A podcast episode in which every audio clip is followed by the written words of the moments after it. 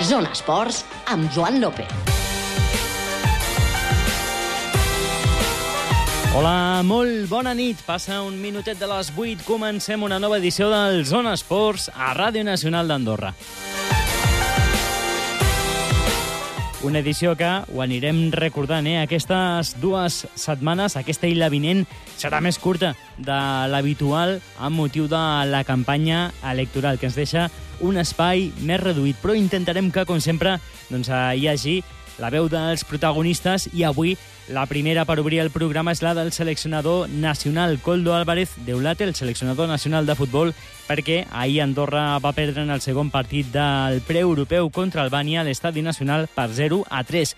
Un resultat que ens deixa un regús amarg, perquè, tot i que Albània va tenir la pilota en tot moment i va crear força perill, Andorra va competir i els gols, el primer i el segon, el segon arriben en dues serrades puntuals. El segon, a més, ja al minut 87. El tercer, en temps afegit, quan passaven ja 6 minuts dels 90 reglamentaris, arriba després d'una falta. Per tant, tres gols que doncs, penalitzen molt, tres errades que penalitzen molt, o dues errades i un gol en temps afegit que penalitzen molt la bona feina de la selecció nacional. Parlarem amb Coldo Álvarez per obrir el programa. Connectarem amb l'estadi comunal on s'està jugant el primer partit de la fase de classificació per a l'europeu sub-21 i on Andorra està guanyant Albània per dos gols a un. Queden encara 20 minuts de partit.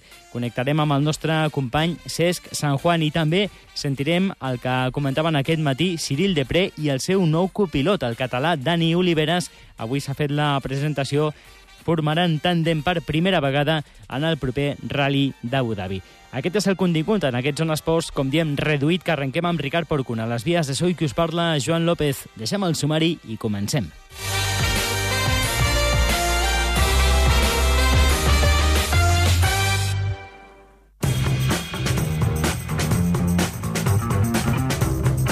Zona Internacional.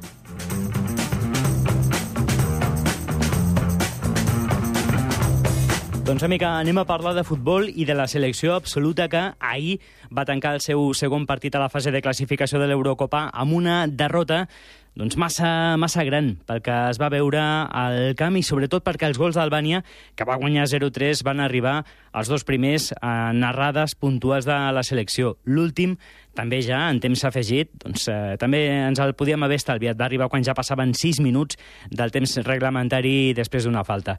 Anem a parlar del partit amb el seleccionador nacional, Coldo Álvarez, que ja ens escolta. Uh, Coldo, bona nit.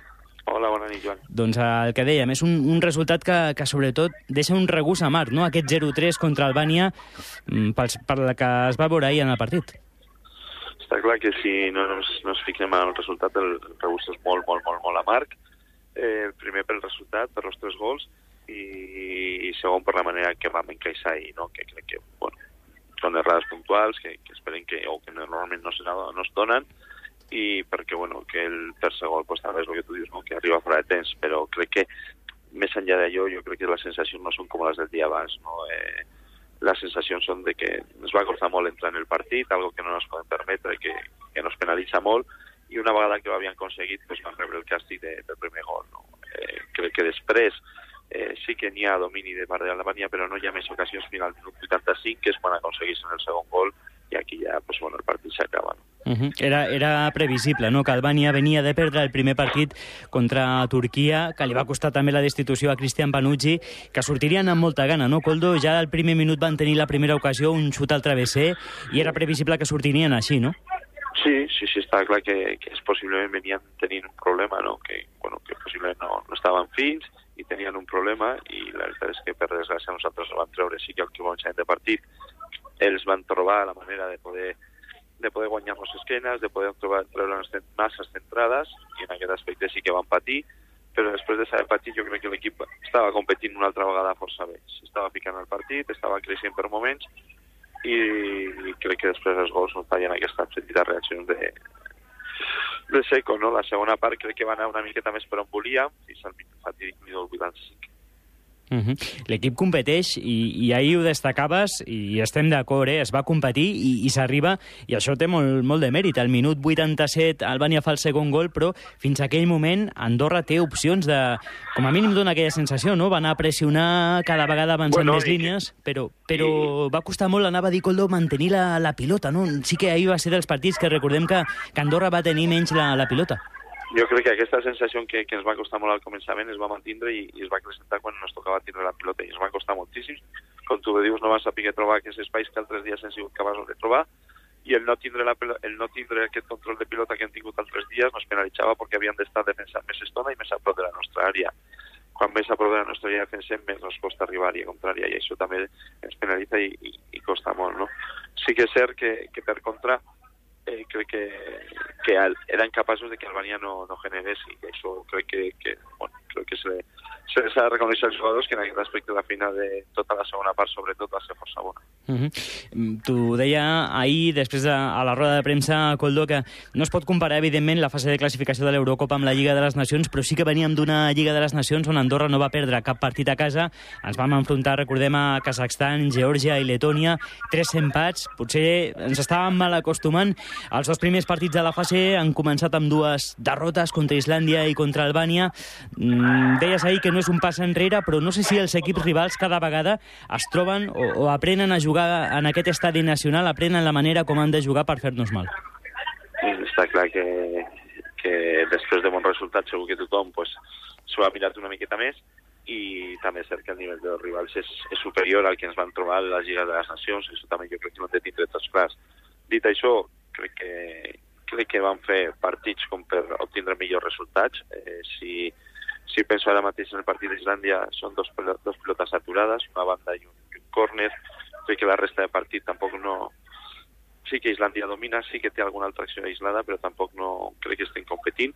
I, i Albània és el que estem parlant, no? Crec que és un partit en el que no, d'inici, eh, sobretot es troba molt còmode, es troba en situacions de, de desajustos nostres que, que no sabem re, donar-li resposta necessària i després, pues, bueno, la veritat és que bé, anem entrant mica en mica i, i patim, però ja, ja és al final. Uh -huh.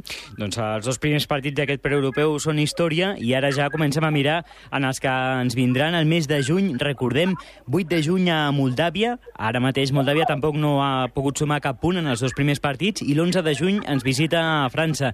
Coldo, no sé si hi haurà possibilitat de preparar millor els partits al mes de juny. Heu tingut només una setmana per entrenar junts abans de, del doble duel contra Islàndia i Albània. Hi ha possibilitat de fer alguna petita concentració o poder entrenar més dies plegats?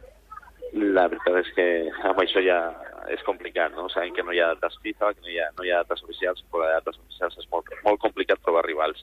I trobar una setmana en la, com, en les competicions en les que ens puguem ajudar tots és molt més complicat encara, no? Perquè a més a més arriben al final de les competicions. Esperem que, que, bueno, que arribem una miqueta millor i que, que bueno, jo crec que amb la setmana de feina és el que, lo que venim fent. Segur que nos queda curta, segur que voldria molt més, però intentarem fer alguna més, però és molt complicat i, i és algo que ja sabíem abans de començar. Uh -huh. Doncs a Coldo Álvarez, seleccionador nacional, amb la petita decepció sobretot pel, pel marcador, no? per, per aquests tres gols i, i les errades que doncs, eh, ens deixen aquell regust una mica agradolç, però també amb l'enhorabona per, per l'esperit de lluita i per la competitivitat que va mostrar una vegada més la selecció andorrana. Moltíssimes gràcies, com sempre, per atendre'ns. Moltíssimes gràcies a vosaltres. Bona nit. Bona nit, Joan.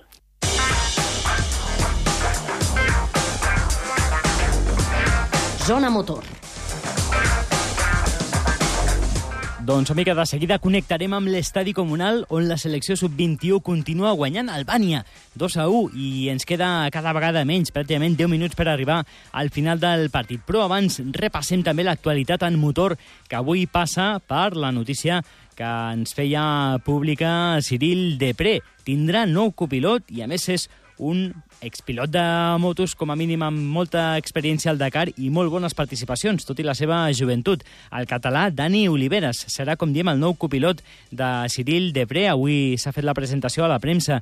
Expilot de trial i amb cinc Dakars amb moto a l'esquena, Oliveres va tenir una primera experiència com a copilot en el darrer Dakar, on va ser segon en la categoria side by side. Després de treballar amb copilots molt experimentats, Cyril Depré buscava aquesta vegada una nova estratègia. Un pilot jove coneixedor de la navegació i algú sense bicis adquirits per poder amutjar-se a la manera de conduir del pilot de Mini i Red Bull. Fa tres setmanes van fer un test a Saragossa i demà se'n van cap a Abu Dhabi, un rally del Mundial que podria ser el test definitiu amb el vistiplau del seu equip. Escoltem el que ens comentava aquest matí Cyril Depré. La gana de, de, de, de jove et pot aportar alguna i, i sobretot eh, que, que ens afrontarem en, en un futur molt, molt, molt aviat, uns rallyrets diferents parlem el mateix, la, la mateixa llengua, eh, de motorista a motorista també. Llavors, eh, molt millor per mi parlar en català, per exemple, que sense dir cap broma de, de, de, d'encontrar un copilot en anglès on potser em costarà una mica menys, més. Doncs un Dani Oliveres que, per la seva banda, també està molt il·lusionat amb aquesta oportunitat. El gironí creu que la seva experiència com a pilot de motos, sumada a la de Depré, es pot traduir en un gran tàndem. Escoltem ara Dani Oliveres.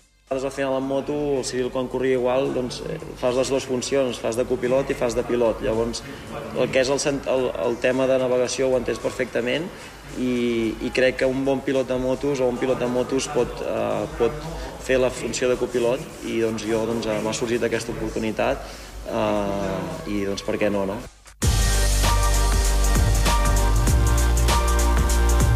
Zona Actualitat. Doncs, amiga, viatgem fins a l'estadi comunal on tenim el nostre company Cesc San Juan i on la selecció andorrana sub-21 s'està enfrontant amb Albània. Tenia molt bones notícies. Fa un minutet Andorra guanyava 2 a 1. M'he quedat sense connexió amb el wifi. Aviam què ens explica el Cesc San Juan. Cesc, bona nit. Bona nit, eh, Joan. Doncs continuen aquestes bones notícies. Estem en el minut 83 en aquests moments i continua aquest resultat que comentaves.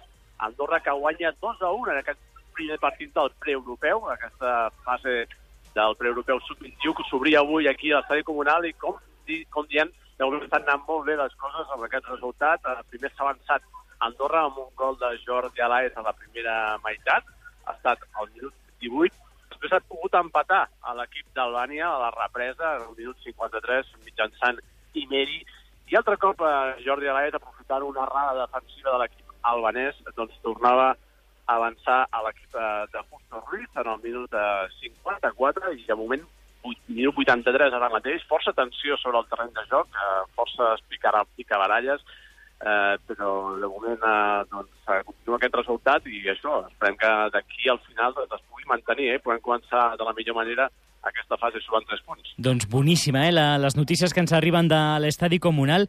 Mm, deia que m'havia quedat aquí ara sense wifi perquè el partit es pot seguir a través del canal de la Federació Andorrana de Futbol, aquest FAF TV, on es poden seguir també aquests darrers minuts de, de partit. Cesc, moltíssimes gràcies i, i tant de bo eh, que, que puguem cantar victòria al final del partit. Creu amb els dits. Que vagi bé, adeu. Bona nit. Bona nit.